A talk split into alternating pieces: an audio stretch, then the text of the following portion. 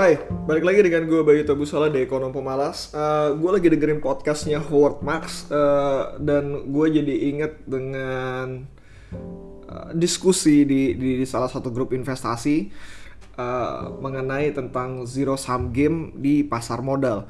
So apparently gue jadi apa ya? Gue jadi mikir, gue jadi mikir sebenarnya apa sih yang menggerakkan harga untuk naik gitu. Karena gini, uh, tanpa adanya dividen, pertumbuhan perusahaan ataupun uh, apa pun itu, uh, pasar modal tuh sebenarnya hampir bisa dibilang zero sum game. Jadi buat gua sendiri nggak masuk akal kalau misalkan lu melakukan trading karena trading itu sebenarnya adalah mengalahkan pihak lain gitu. Sama hal kayak options market, forex market dan segala macam. Nah, uh, itu lebih ke arah ya zero sum game. Lu sorry. Lo itu bisa menang karena ada orang lain yang kalah tanda kutip quote and quote. Kenapa gue bilang tanda kutip quote and quote? Karena uh, apa ya gue gue bisa bilang bahwa uh, proses melakukan uh, transaksinya tersebut ada bahan berpikir di belakangnya dan pola berpikir itu yang menjadi uh, apa ya namanya pola uh, proses berpikir itulah yang menjadi uh, cara orang untuk melakukan transaksi. Contoh in forex market.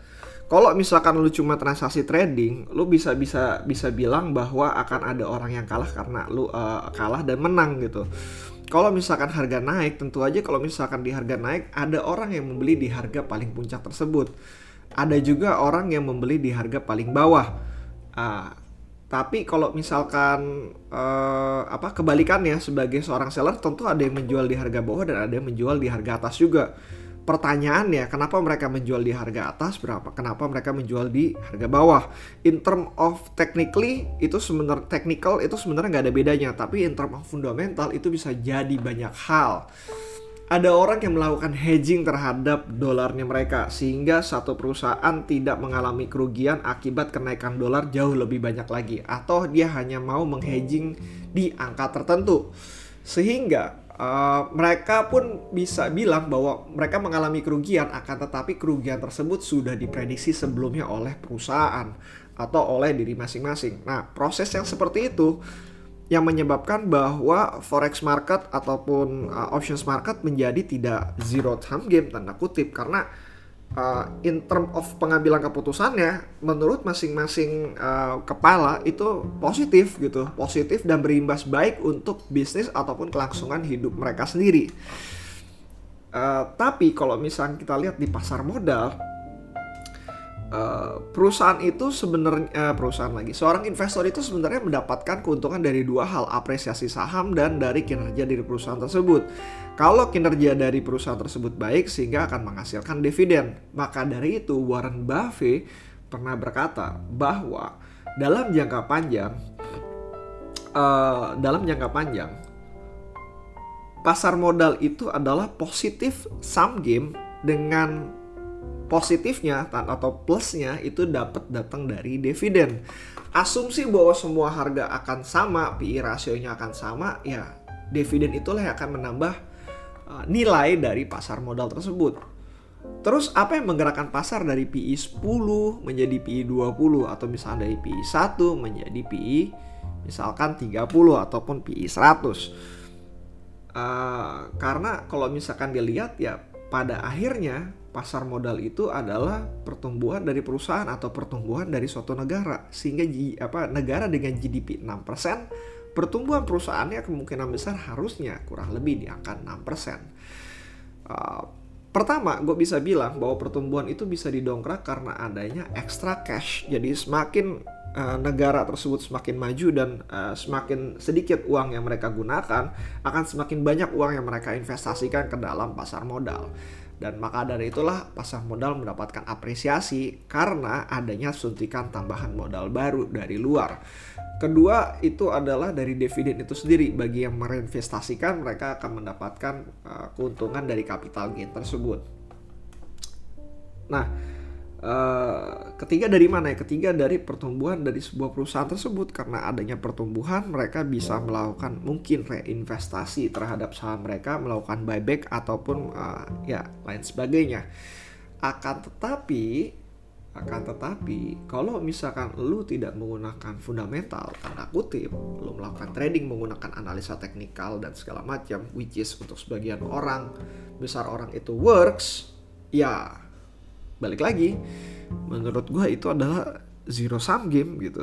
Uh, ini ini zero sum game. Uh, untuk market yang lebih luas seperti kayak US ada yang namanya shorting ataupun adanya options market tetap zero sum game tapi uh, proses pengambilan keputusannya yang menurut gue akan menjadikan industri tersebut positif sum game.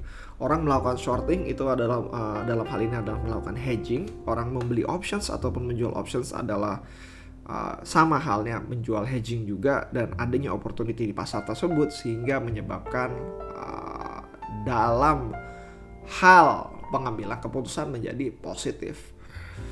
Akan tetapi industrinya sendiri kalau misalnya bisa gue bilang ya pasar modal hampir bisa dikatakan Uh, kalau lo trading bahkan dalam jangka pendek dalam jangka pendek yaitu adalah zero sum game. Jadi kalau misalkan ada saham yang harganya naik bisa dipastikan ada seseorang yang menjual saham tersebut di harga atas dan ada yang membeli uh, saham tersebut di harga atas. Uh, pikirannya sih pengen banget untuk melakukan uh, apa dapatkan keuntungan akan tetapi itu tidak dimungkinkan.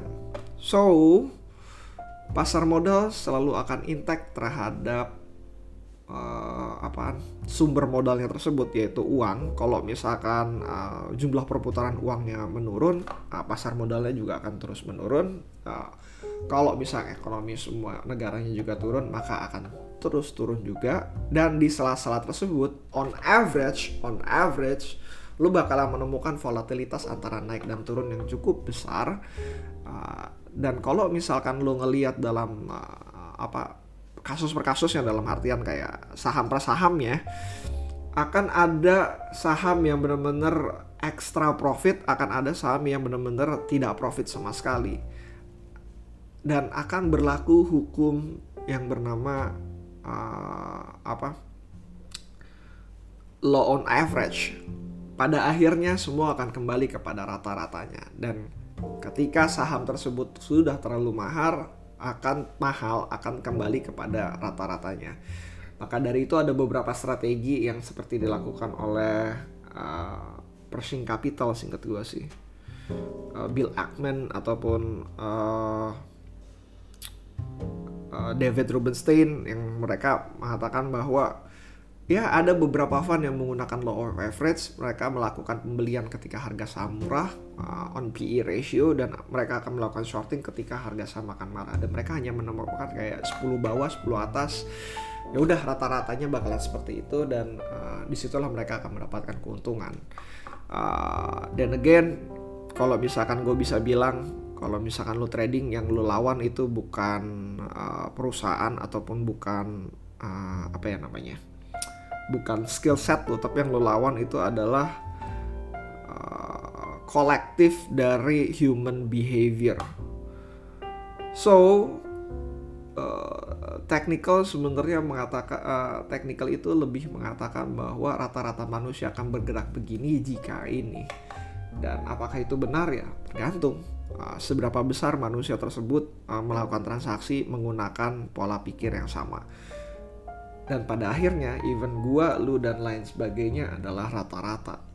Uh, gua ngerasa bahwa nggak akan ada orang yang berada di atas rata-rata uh, dalam waktu yang cukup lama. Even Warren Buffett pun mengatakan bahwa dia pernah salah dan dia akan kembali pada rata-ratanya. Dan dia sebenarnya melakukan betting terhadap uh, rata-rata artinya perusahaan yang berada di bawah rata-rata dia melakukan investasi dan dia akan menjual ketika sudah ada di atas rata-rata on on paper note seperti itu tapi approach-nya mungkin akan jauh lebih banyak berbeda.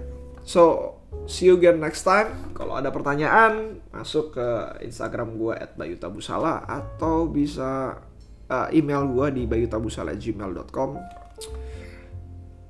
Bye.